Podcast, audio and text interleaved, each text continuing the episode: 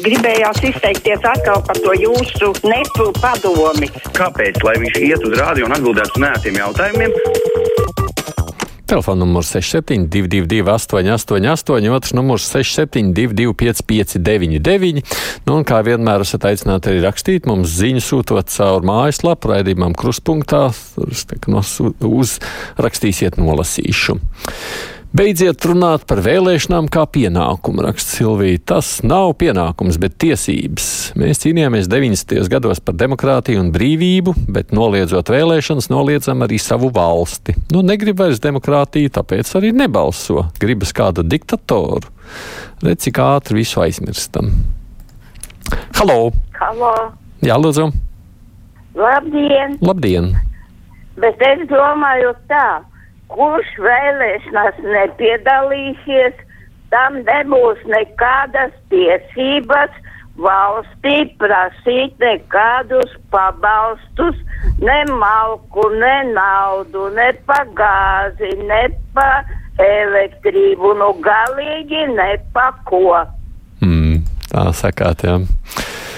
Kāpēc neiesiet uz vēlēšanām? Nekas taču nemainās. Kam jāmainās, prasīja Ilze. Nu, nezinu. Bet kas tieši slikti? Viss ir slikti. Tāds ģeniāls intervijas, saka Ilze. Ilze es klausījos un domāju, patiesībā varbūt labi, ka šie cilvēki neiet uz vēlēšanām. Es nezinu, ko viņi tur iebalsot. Halo! Tomsonkungs. Jā, lūdzu. Uh, kāpēc nevajadzēja vajadzēja tā? Pašā sākumā, kad atguvām neatkarību, uh, te vajadzēja kādus divus, trīs cilvēkus ielikt ķurķī. Un tad pārējie sāktu domāt. Nu, mēs jau rūpīgi ielikām ķurķī. Nezinu, vai tas palīdzēja domāšanā vai nē. Jā, atceraties, vai ne? Beidzot sāksies skola. Jau cik var bērni sēdēt mājās, visi jau aizmirsuši, ko mācījušies, saka Vita. Vai nu atceraties, kā vasara aizskrēja ātri bērnam, nemaz nepietrūka laika. Nepietrūka laika, nepietrūka. Halo! Labdien! Labdien! Jā, es tikai gribēju pateikt to, ka veselības apdrošināšanai jābūt būt kā likumam, jebkurā, jebkurā uzņēmumā. Jo man, manuprāt, tas liekas ļoti svarīgi, jo, piemēram, es kā cilvēks ļoti daudz iztērē, iztērēju, metu ārā naudu veselībā. Mm. Daudzas kompānijas īstenībā es pat nesaprotu, kāpēc viņi pat nepiedāvā vai neizskata tādas variantus. Vai tas ir tiešām tik ļoti dārgi? Tā kā, nu, Nu, ir jau daži simti tomēr gadā, un tās, tā ir summa, kas, protams, arī darba devējām daudz ko nozīmē. Man kaut kā, piemēram, pēdējā laikā ir paveicies, man šķiet, es mūsu apdrošinātājām ietaupa daudz, jo polisi nopirkta, bet pie ārsta nesmu gājis, nav bijusi vajadzība. Nesaprotu, kas tam gobzemam pret Ukraiņas karogu. Viņš visu laiku sūdz, ka kaut kur atkal redzējis to plīvojumu. Saka, nu, lai tā cilvēki izskar karogas Ukraiņas, ja tā vēlas. Jāsāk domāt, ka tiekot pie varas, viņš tos laikam aizliegs. Halo! Tamsonkungs. Jā, lūdzu.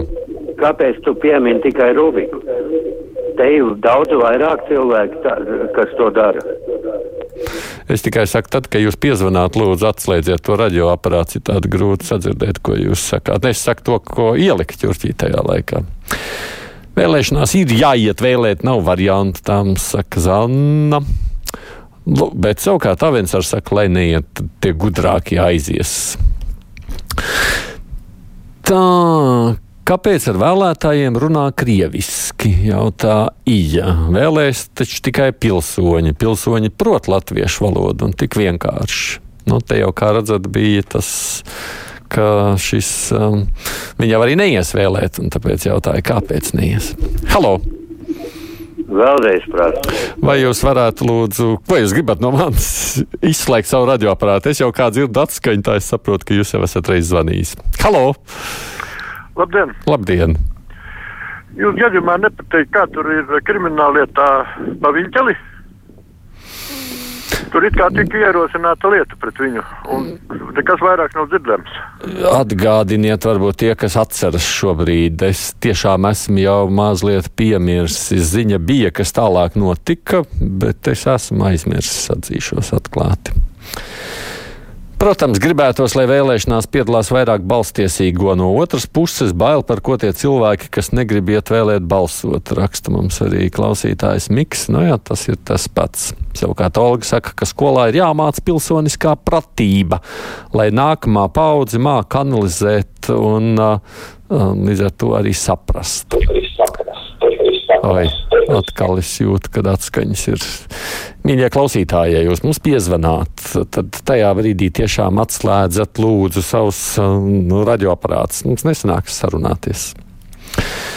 Jā, absolūti esmu pret obligāto dienestu, rakstams Jānis. Jau sāk draudēt ar pasu atņemšanu un kriminālu vajāšanu par izvairīšanos. Lielai daļai valstīs, kur ir obligātais, ir tikai naudas sots. Neredzu, kāpēc jākaro par valsti, kurai es esmu pie vienas vietas. Jānis pieļauj, varētu izprovocēt mums kādus klausītājus. Halo! Labdien! Labdien!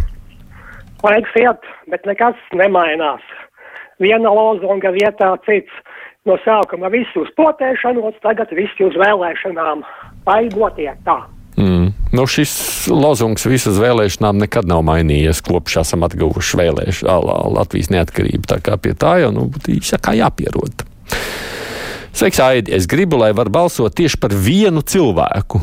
Citādi tāda apmānīšana sanāk, nobalso par ko vēlies, bet uz priekšu tiek pirmais saraksta numurs. Raksta viesturs tur jau taču var joprojām visas pārējos svītrot ārā, vienam ieliksiet krustiņu vai plusiņu un būs jums viens. Halo! Labdien! Labdien. Uh, man ir uh, tāda, uh, to es gribu pateikt par zemniekiem, piemēram, jā, no tāda viedokļa jau var spriest, piemēram, viņi tagad apvienojas trīs partijas. Pa visu cenu zemnieki grib tikt iekšā, lai atkal var atbalstīt koruptē, korupētos un, un, un tā tālāk. Kāpēc, piemēram, jaunā vienotība vai arī konservatīvie ir partijas, kuras uh, viņas pašas, uh, vienas pašas cīnās par savu partiju, bet tie, kas apvienojās vairākās partijās, tas nav godīgi un par tādām partijām nav, kā, nav ko balsot. Man ir aizdoms, tā būtu jānoprecizē, bet vismaz jaunā vienotība arī bija apvienība savu laiku. Nacionālā apvienībā tas jau ir ielikts nosaukumā, attīstībai par ir apvienības, pamatā ir apvienības lielākoties. Es teikšu, tas nav nekas jauns. Latvijas vēlēšanās ļoti pierasta lieta. Jā, intervija no Latvijas bija iespaidīga. Cits klausītājs mums raksta, paši gudrākie un atbildīgākie pēdējās vēlētāji. Tiešām labāk, lai sēž mājās. Halo! Labdien! Labdien. Latvijā ļoti cilvēki ir pasīvi eh, politiski un eh, vispār pasīvi. Jo, ja paskatāmies mēs uz arotbiedrībām, arotbiedrībās ļoti maz cilvēku stājās iekšā un darbojās. Un pēc tam, ka viņiem ir zemes algas, nav sociālās garantijas, darba drošība nav nodrošināta. Un, un, un turien jau tā sākās tā politiskā aktivitāte. Un tāpēc arī presē un rādio vajag aicināt cilvēkus stāties ārvalstībā, būt aktīviem. Mm -hmm. Nu, jā, nē, es piekrītu. Tādā ziņā šī patiešām ir veids, kā katrs cīnās. Mums var patikt vai nepatikt kaut ko, ko dara. Mēs redzam, kā piemēram Lielbritānijā. Nu, cilvēkiem nepatīk streiks, bet tas ir veids, kā katrs cīnās par savām tiesībām. Un tas pats ir ar mūsu skolotājiem un vispārējo. Tā tiešām ir veids, kā paust savu attieksmi. Aizgribu dienēt, raksta mums un pamatlietas iemācīties, troķi noturēt, pirmo palīdzību prast. Nu, tur jau varētu bez, bez obligāta arī to darīt. Vēl. Halo! Labdien! Labdien. Šeit jūs strādājat viena vecmāmiņa. Mm -hmm. Ziniet, nedomājiet, es neesmu nekāds šovinists, nekas ir ļoti liela problēma, es kā vecmāmiņa uztraucos. Man mazbērni dzīvo Rīgā un dzīvo tādā vietā, kas saucas par Baldlaučiem.